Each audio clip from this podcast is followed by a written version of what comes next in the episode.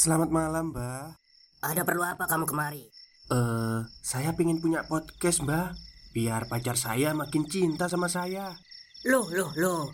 Mau bikin podcast kok tanya dukun? Sekarang kamu download aplikasi Anchor.fm. Di situ kamu bisa buat podcast gratis dan podcast kamu bisa didistribusikan ke platform mana pun. Dan di aplikasi atau website Anchor.fm juga terdapat fitur-fitur yang memudahkan kamu untuk membuat podcast. Oh, gitu ya, Mbak. Kalau gitu, saya boleh minta password wifi-nya, Mbak. Buat apa? Buat download Anchor.fm, Mbak.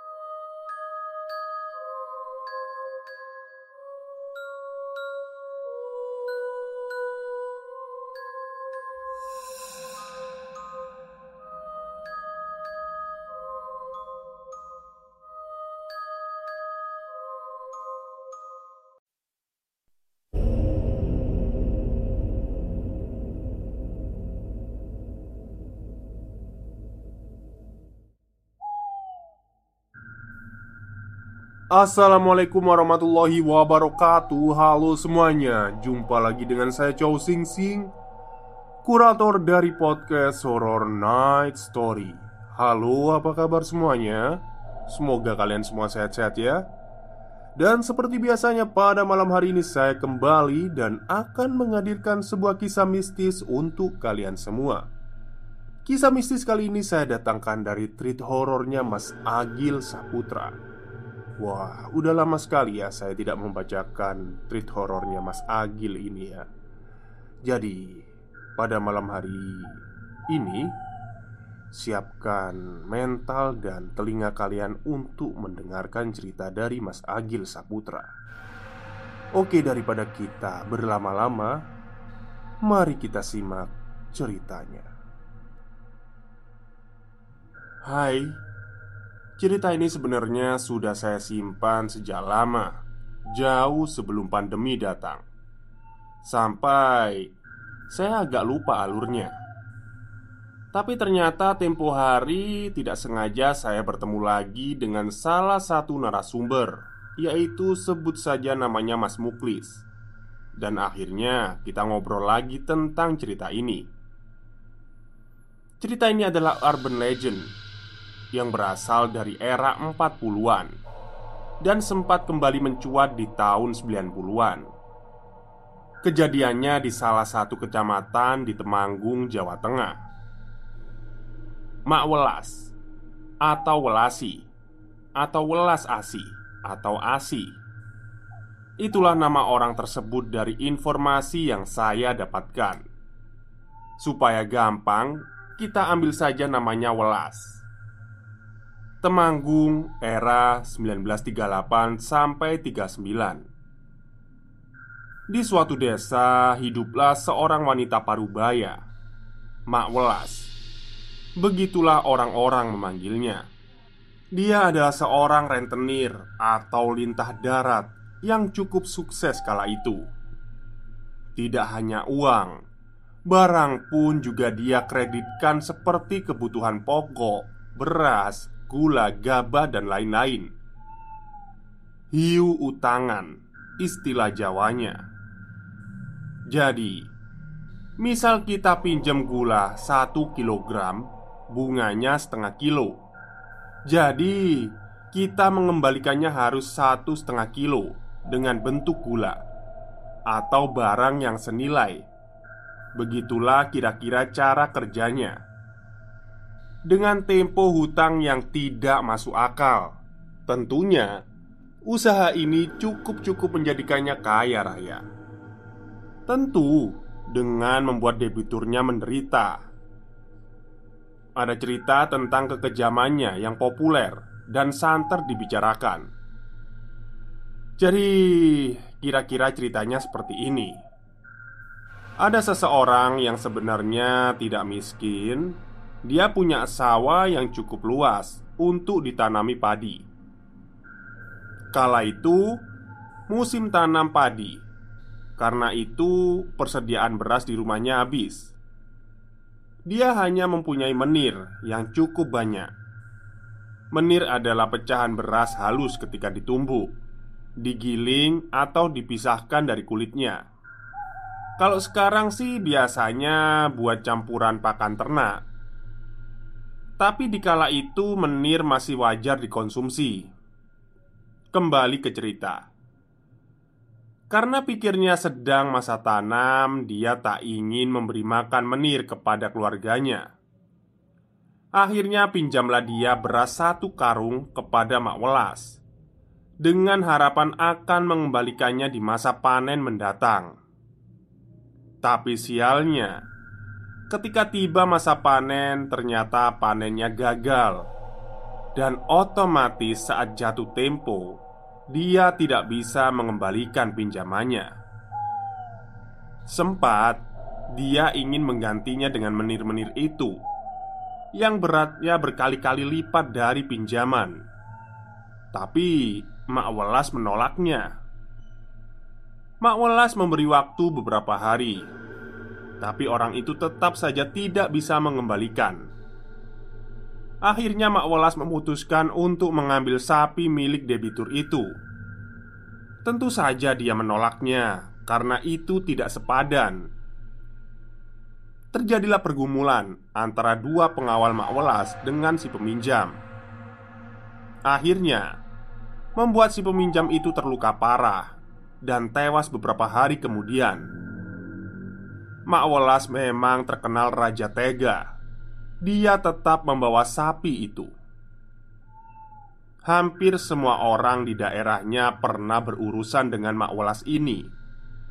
Dan seiring itu, kebencian-kebencian orang terhadapnya mulai menumpuk. Tapi kebanyakan orang takut untuk bertindak. Selain karena pengawalnya dia juga dekat dengan pejabat-pejabat tunjukan Belanda. Sampai akhirnya karma datang menemuinya. Jadi, sekitar tahun 1942 sampai 43 bersamaan dengan datangnya Jepang ke Indonesia. Terjadi pemberontakan di mana-mana. Beberapa lumbung padi yang dikelola oleh Belanda ada yang dijarah dan dibakar oleh orang yang tidak dikenal. Perampokan juga terjadi di mana-mana. Terjadi kepada beberapa pejabat tunjukan Belanda. Tentu saja, ini membuat Mak Walas resah. Dan benar, di suatu hari Mak Walas ditemukan tewas mengenaskan.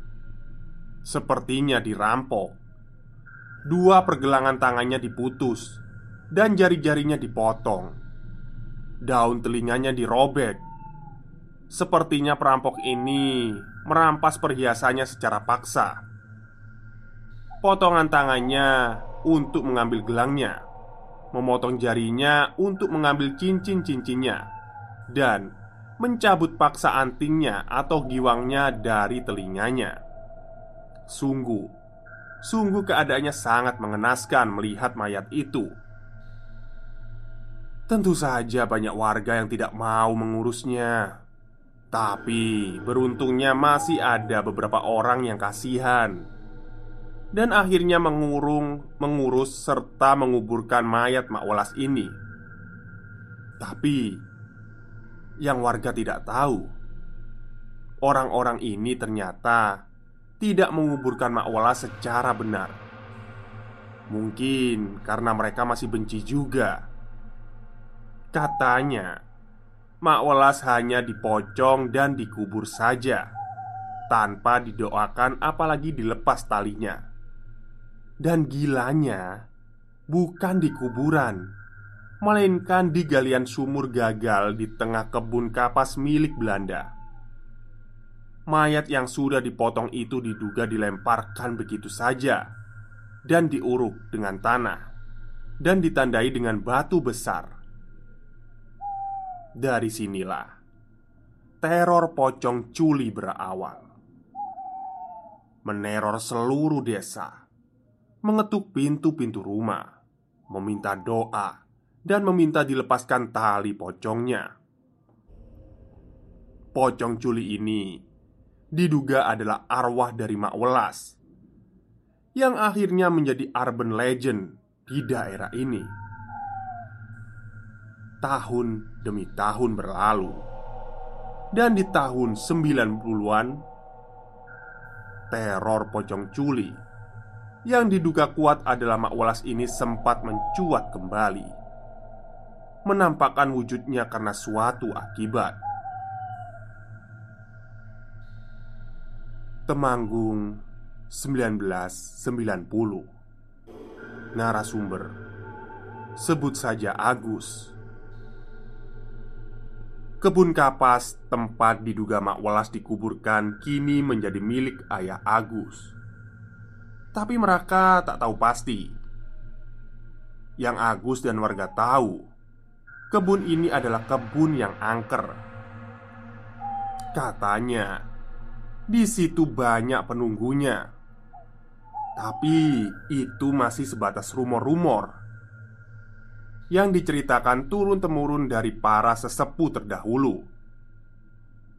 Ada yang percaya Tapi tidak sedikit juga yang menganggapnya hanya bualan belaka. Hari ini adalah hari pertama Agus membantu ayahnya di kebun Sejak dikeluarkan dari sekolah. Agus ini memang anaknya bandel. Sudah dua kali ini dia pindah sekolah dan dikeluarkan lagi. Padahal dia masih SMP. Kalau tidak berkelahi, ya bolos sekolah. Sekarang ayahnya sudah jengah dan memutuskan agar Agus tak usah sekolah saja dan membantu ayahnya berkebun. Kembali ke cerita Di hari pertamanya di kebun Agus sangat antusias dan bersemangat. Karena memang dalam hatinya Dia sudah malas bersekolah. Setelah selesai memanen petai Agus lanjut membersihkan rumput-rumput liar di sekitar pohon-pohon sengonya bersama ayahnya. Dia bersihkan rumput itu celah demi celah Sampai dia di dekat sebuah batu besar itu. Dengan nada ketus Si Agus bicara pada ayahnya. Oh, ini toh pak Batu yang angker itu Katanya sambil memukulnya dengan gagang sabitnya. Hus Jangan sembarangan kamu. Sudah Jangan dekat-dekat situ. Ditemuin baru tahu rasa kamu Begitu kata ayahnya dengan nada kesal. Memang, Agus ini orangnya agak skeptis dengan hal-hal yang seperti itu. Sore hari pun tiba dan mereka pulang ke rumah. Entah kenapa, setelah pulang dari kebun, pundak Agus terasa sakit sekali. Ah, mungkin karena kecapean. Batin Agus dan malamnya ketika Agus tidur Dia bermimpi didatangi oleh sesosok pocong. Dalam mimpinya Sosok itu hanya berada satu jengkal dari wajahnya. Sangat dekat. Kepalanya basah dengan darah Dan menangis sambil berkata Juli, Juli, Ojolono Atau dalam bahasa Indonesia Lepas Lepas Lepaskan ini. Seketika Agus langsung terbangun Dan dia Mengalami ketindihan. Sambil masih terngiang-ngiang kata-kata itu Sampai akhirnya dia berhasil menggerakkan badannya Oh, Untung saja ini hanya mimpi. Batin Agus waktu itu. Dia pun melanjutkan tidurnya. Tapi pagi harinya pundaknya masih terasa semakin sakit. Dia juga mengalami demam. Agus pun hari itu tak ikut ayahnya mengurus kebunnya. Agus diberi obat warung oleh ibunya Tapi ternyata tak kunjung reda sakitnya ibunya memanggil Pak Karwo, tukang pijat di desanya. Datanglah Pak Karwo ke rumah. Baru saja Pak Karwo memegang Agus Dia berkata Waduh Sampean ini kena sawan Gus Sebagai informasi dalam istilah Sawan adalah penyakit yang disebabkan oleh gangguan gaib. Sambil memijat, Pak Karwo terus berbicara kepada Agus Tentang dari mana saja kemarin Dan menyuruh Agus untuk selalu sopan di mana pun. Mengingat semua orang desa tahu kalau Agus adalah remaja yang barbar. Agus yang sedang kesakitan pun cuma iya-iya aja setelah itu keadaan Agus mulai membaik. Pak Karwo ini Selain ahli memijat Beliau juga katanya Mengerti tentang hal-hal seperti itu. Walau kadang terlihat dilebih-lebihkan Tapi kenyataannya banyak yang mengatakan beliau ini manjur. Hari pun berlalu. Agus yang sudah sehat kembali membantu ayahnya di kebun di sana dia mulai agak berpikir tentang batu besar itu. Apakah batu itu memang ada penunggunya? Sebenarnya Agus mulai setengah percaya, tapi di situ Agus malah tak kabur. Dia kembali mendekat ke batu itu dan berkata dalam hati, "Kalau memang di sini ada penunggunya, nanti malam temui aku." Memang sudah gila Agus ini. Malamnya Sengaja Agus tidak segera tidur. Sambil mendengarkan radio kesayangannya Dia menunggu-nunggu. Kalau-kalau Penunggu batu besar itu menemuinya. Tapi Tunggu punya tunggu. Ternyata malam itu tidak ada apa-apa. Agus pun tertidur Esok harinya, seperti biasa, Agus pergi ke kebun dan berkata pada batu itu, "Heh, mana? Katanya ada penunggunya." Dia pun menganggap semua itu hanyalah bualan semata. Tapi ketika malam harinya, ketika Agus tidak menunggu, dia dibangunkan dalam tidurnya oleh suara ketukan dari jendela kamarnya. Ketukan itu berjeda. Kira-kira setiap lima detik. Dek. Dek. Dek.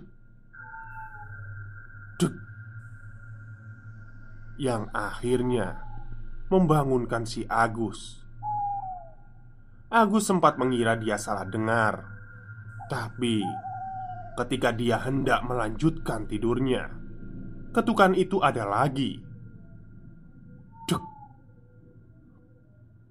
Agus pun tersentak, membangunkan badannya, dan mencoba meyakinkan kalau suara itu memang benar-benar ada. Dan memang ada lagi. Dek. Agus menoleh ke arah jam di dinding kamarnya. Jam menunjukkan setengah dua malam. Suara ketukan itu masih ada. Dengan sedikit terbata Agus bicara. "Woi, sopo yo?" Beberapa saat suara itu berhenti dan berubah menjadi suara tangisan. Agus menjadi ketakutan. Aku sing neng watu. Uh, saiki uculono iki uculono atau aku yang ada di batu. Sekarang tolong lepaskan ikatan ini, lepaskan. Agus mulai ketakutan dan bersembunyi di balik selimutnya sambil membaca doa dan tiba-tiba ada suara menyentak di dekat telinganya. "Saiki Uculono!" Agus teriak sambil membuka selimutnya. dan tidak ada siapa-siapa. Tapi tirai jendelanya yang tadi tertutup rapat sekarang menjadi setengah tersingkap dan samar-samar. Agus melihat ada sosok putih di balik jendela itu. Ya, sosok itu adalah pocong. Agus seperti terhipnotis.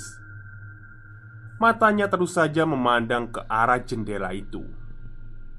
Tapi akhirnya Agus pun bisa berteriak hingga membangunkan seluruh penghuni rumah.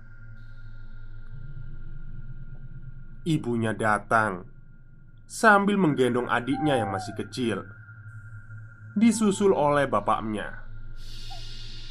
Ibunya bertanya, "Ada apa?" Dengan agak gagap, Agus berkata, "Ada pocongan, Bu." Kata Agus sambil mengacungkan jarinya ke arah jendela.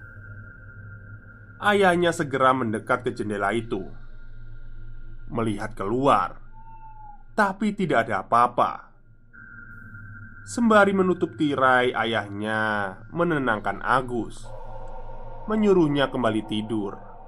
Tapi Agus yang ketakutan akhirnya tidur dengan ibunya saja. Keesokan harinya, Agus yang terlihat lemas kembali berpikir tentang kejadian semalam. Dia sekarang percaya bahwa batu itu memang ada penunggunya. Tapi Agus belum paham tentang perkataan sosok itu. Maksudnya, yang dilepaskan itu apa? Dia pun mencoba untuk melupakan kejadian semalam, walau tidak bisa. Tapi hikmah dari kejadian itu, kini Agus menjadi lebih giat beribadah dan mengaji. Walaupun kini Agus menjadi orang yang sangat penakut, bahkan untuk ke kamar mandi saja dia minta ditemani. Agus juga belum berani lagi tidur di kamarnya. Tapi ternyata gangguan itu masih berlanjut.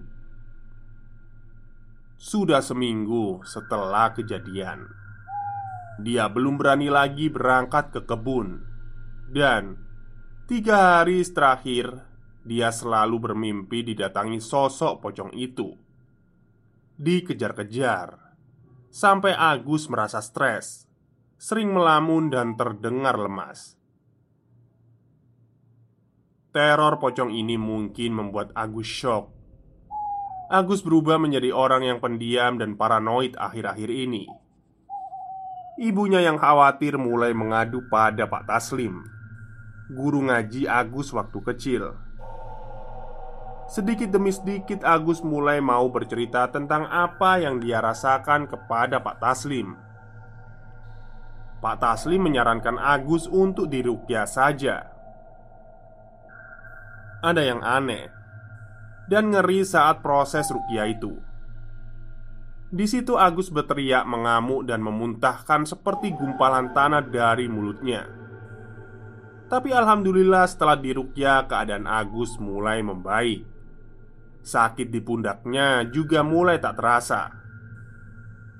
Cerita tentang Agus pun meredup dan berakhir di sini. Tapi ternyata bukan hanya Agus saja yang diganggu pocong ini. Sebut saja Pak Bagio.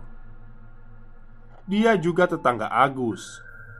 Masih di tahun yang sama Profesi Pak Bagio ini adalah pedagang kayu dan kebetulan juga dia ingin membeli pohon-pohon sengon yang berada di kebun ayah Agus. Seperti pada umumnya, seorang pembeli akan datang ke kebun dan memotong pohon itu sendiri. Tentunya dengan membawa belandong atau pemotong kayu profesional.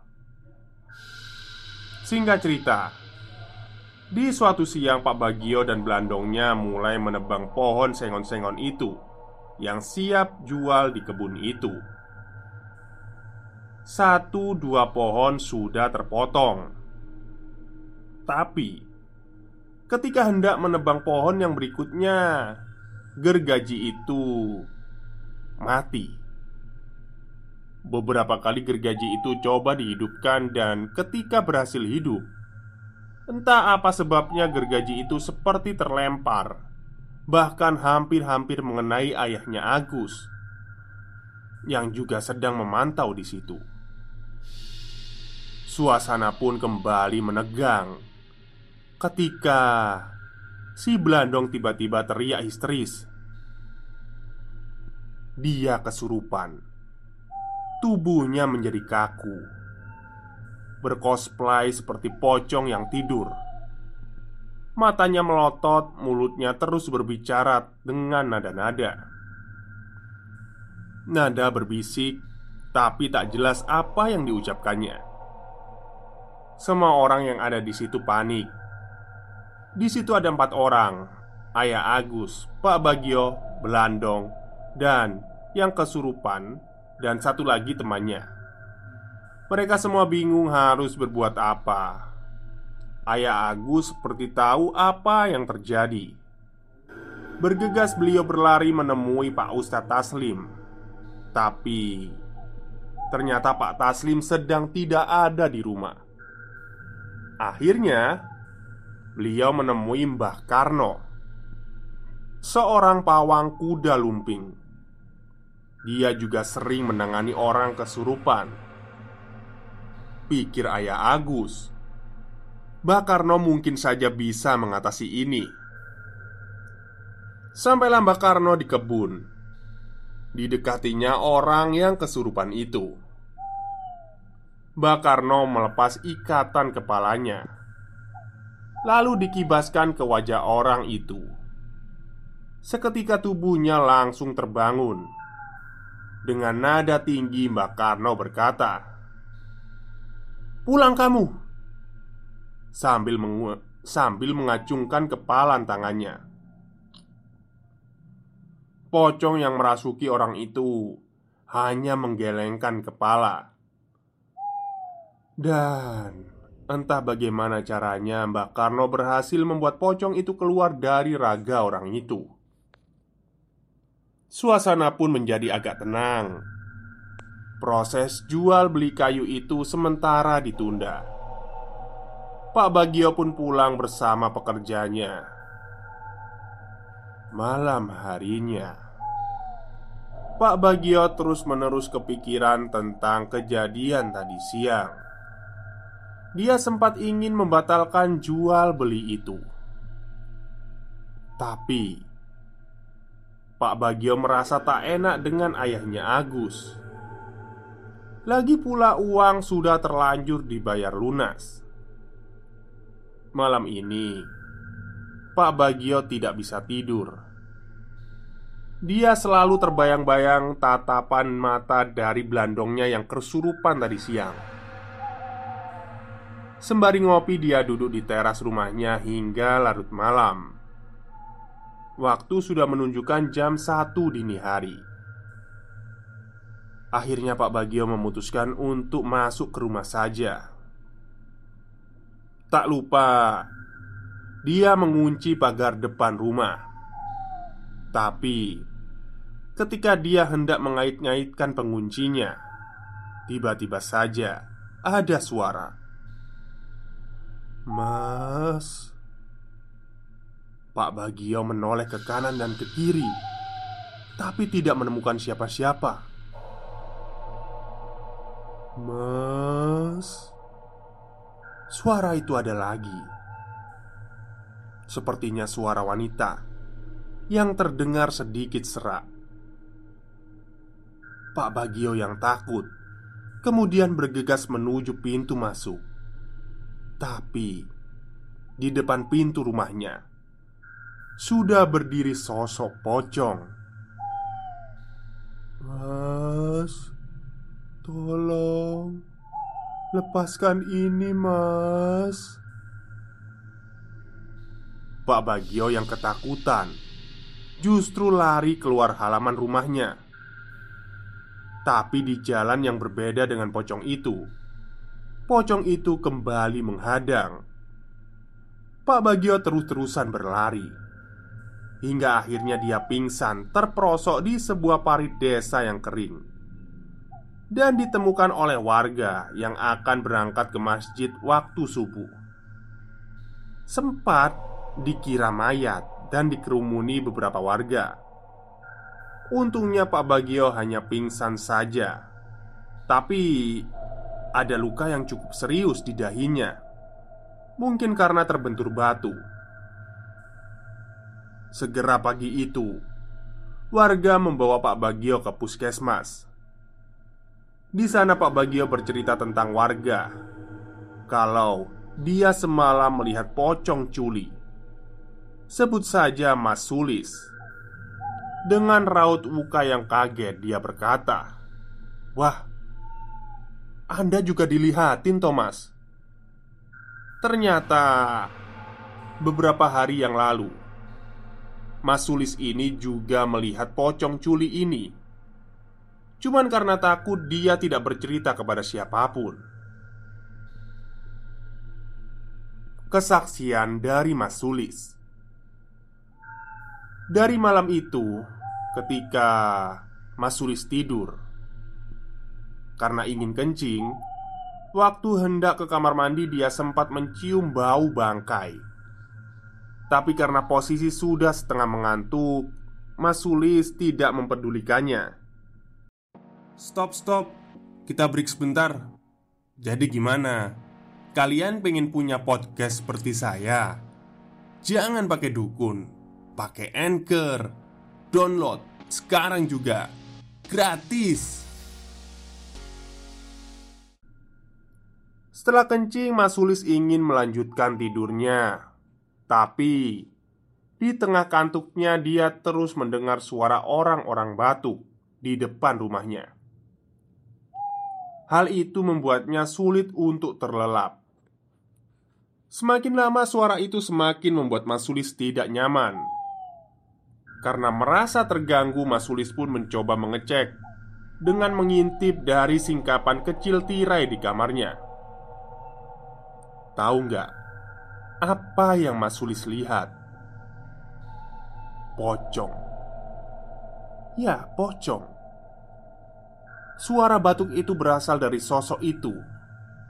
Pocong itu batuk-batuk dengan kepalanya yang menghentak ke depan setiap batuknya. Aneh memang, tapi memang ini Mas Sulis yang lihat. Kembali ke cerita. Setelah melihat sosok itu, Mas Sulis yang kaget segera menutup tirainya. Dia masih tidak yakin dengan apa yang dilihatnya dengan gugup. Dia kembali sedikit menyingkap tirainya, dan memang benar, itu adalah pocong. Entah kenapa, Mas Sulis tidak segera kembali menutup tirainya.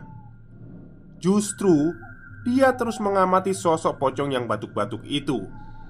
Tapi ketika dia tengah mengamati, Tiba-tiba saja sosok itu menoleh ke arah Mas Sulis dan berkata, "Uculono, Mas." Tubuh Mas Sulis seketika lemas dan terhentak ke lantai kamarnya. Segera dia merangkak mendekap Al-Quran yang ada di dekat tempat tidurnya.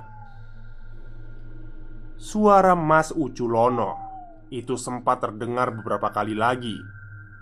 Tapi kemudian hilang. Mas Sulis mencoba menenangkan hatinya walaupun dia tergolong orang yang terberani. Tapi kali ini dia benar-benar merasa takut dengan pocong itu. Akhirnya Cerita Mas Sulis dan Pak Bagio pun menyebar ke seluruh desa Dan membuat semua warga ketakutan Setiap menjelang petang sehabis maghrib sudah tak ada lagi yang berani keluar dari desa itu. Suasana menjadi semakin mencekam. Tapi sejak para warga menjadi ketakutan dan tak berani keluar malam, teror pocong culi ini justru malah semakin menjadi-jadi. Pernah suatu malam ada yang mengetuk pintu rumah warga tanpa ada yang kelewatan. Meski orang tak ada yang melihat, hanya mendengar suara-suara ketukan. Tapi orang-orang meyakini bahwa itu adalah pocong culi itu. Tapi keadaan ini malah dimanfaatkan oleh maling. Suatu hari ada satu sapi warga yang dicuri. Oleh karena itu diadakan ronda bergiliran. Dan di sinilah sesuatu terjadi. Masih di tahun 1990 Kuncung, Naryo, dan Dadi Mereka adalah pemuda di desa itu. Kebetulan malam ini mereka kebagian jatah ronda. Mereka bertiga ini semuanya penakut. Kira-kira jam 10 malam mereka mulai berjaga. Untuk membunuh waktu Mereka memutuskan untuk bermain kartu Sampai tak terasa sudah hampir jam 12 malam seperti pada umumnya, desa itu setiap tengah malam, para orang yang di Siskampling akan membunyikan tiang listrik sebagai penanda jam. Ada tiang listrik, ada tiga tiang listrik di tempat yang berbeda yang harus dibunyikan di desa itu. Seharusnya mereka berpencar dan membunyikan tiang itu. Karena mereka ini semua penakut, mereka bertiga memutuskan untuk menuju dan menyembunyikan dan membunyikan tiang listrik itu secara bersama-sama. Singkat cerita, dua tiang listrik sudah dipukul, tinggal satu tiang lagi. Tapi tiang itu ada di pojok desa, dan di situlah dulu Pak Bagio dicegat pocong dan ditemukan pingsan di dalam parit kering dekat situ. Mereka sempat urung untuk menuju ke sana, tapi setelah berunding sekitar jam satu malam, mereka bertiga pun memberanikan diri. Tiang listrik itu berada. Singkat cerita, sesampainya di sana, pertama memang tidak ada kejadian aneh. Kuncung yang memukul tiang listrik itu dengan Dadi dan Narya saling berpegangan. Ayo cepetan, segera balik ke pos Kata Dadi. Tapi Ketika mereka hendak berjalan Tiba-tiba saja tercium bau bangkai yang sangat busuk. Di situ mereka bertiga saling bertatapan Tanpa kata-kata mereka langsung berjalan agak cepat untuk menuju ke pos kamling. Tapi di tengah jalan langkah mereka terhenti. Mereka seperti melihat sosok putih berdiri di tengah jalan. Agak jauh memang. Jadi terlihat kurang jelas. Naryo mencoba meneranginya dengan senter tapi tiba-tiba sosok itu menghilang.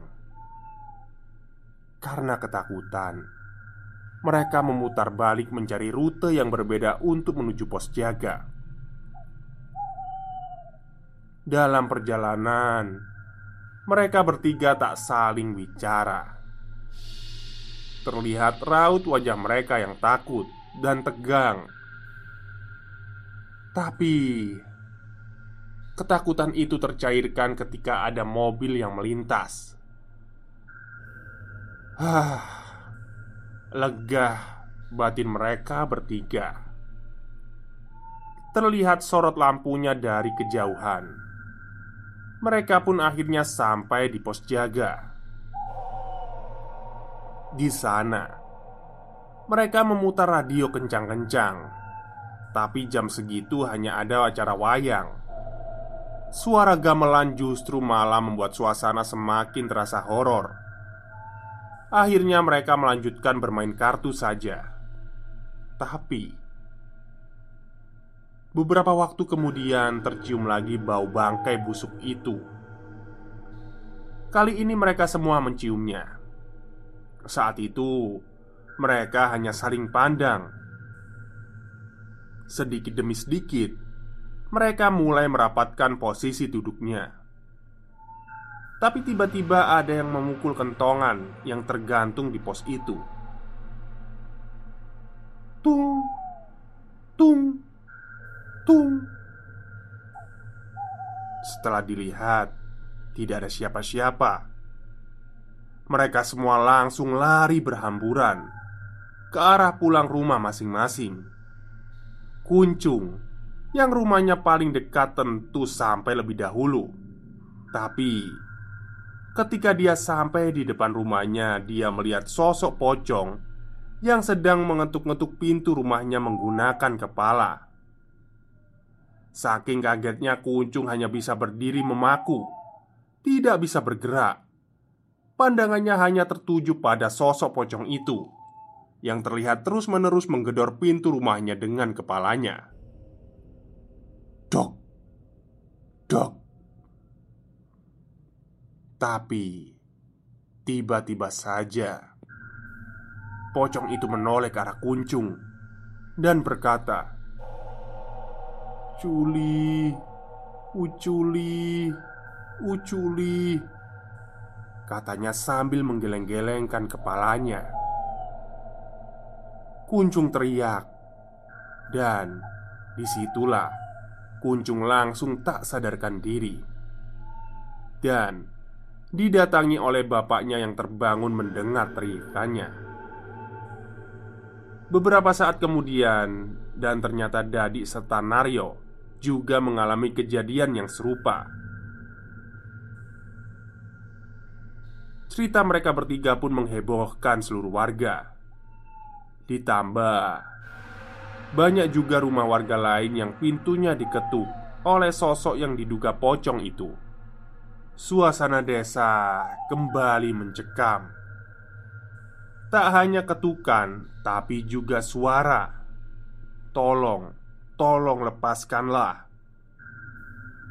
Suara itu kadang mengelilingi desa di tengah malam Sempat tidak ada solusi untuk masalah teror ini Di sini Para sesepuh desa mulai menceritakan kembali Asal muasal pocong ini Yang dulu Tak percaya Sekarang mulai percaya. Warga juga mulai tahu kalau tempat bersemayam pocong ini adalah di kebun milik ayahnya Agus Di bawah batu besar itu Satu-satunya solusi adalah harus ada orang yang berani Melepaskan tali pocong itu. Tapi Tentu saja tidak ada yang berani. Sementara sudah sekitar empat bulan terakhir Teror pocong ini semakin meresahkan warga. Kini, yang bisa mereka lakukan hanyalah berdoa, dan akhirnya berbondong-bondong warga desa melakukan mujahadah di masjid untuk memagari desa. Dan entah saran dari siapa, semua warga di desa ini memelihara angsa untuk menangkal kedatangan pocong itu ke rumah mereka. Dan setelah itu teror pocong culi yang diduga adalah Mak Ulas ini Kini meredup dan berangsur menghilang Sampai sekarang pun cerita ini ditulis di desa ini Hampir setiap rumahnya pasti memelihara angsa. Dan katanya masih ada juga orang yang bersaksi Melihat pocong culi itu. Yang diduga kuat adalah pocong yang sempat menghantui desa ini 21 tahun yang lalu. Sekian. Baik, itulah cerita panjang Dari treat horornya Mas Agil Saputra tentang pocong Oke, mungkin itu saja cerita untuk malam hari ini. Semoga kalian semua terhibur. Selamat malam dan Selamat beristirahat.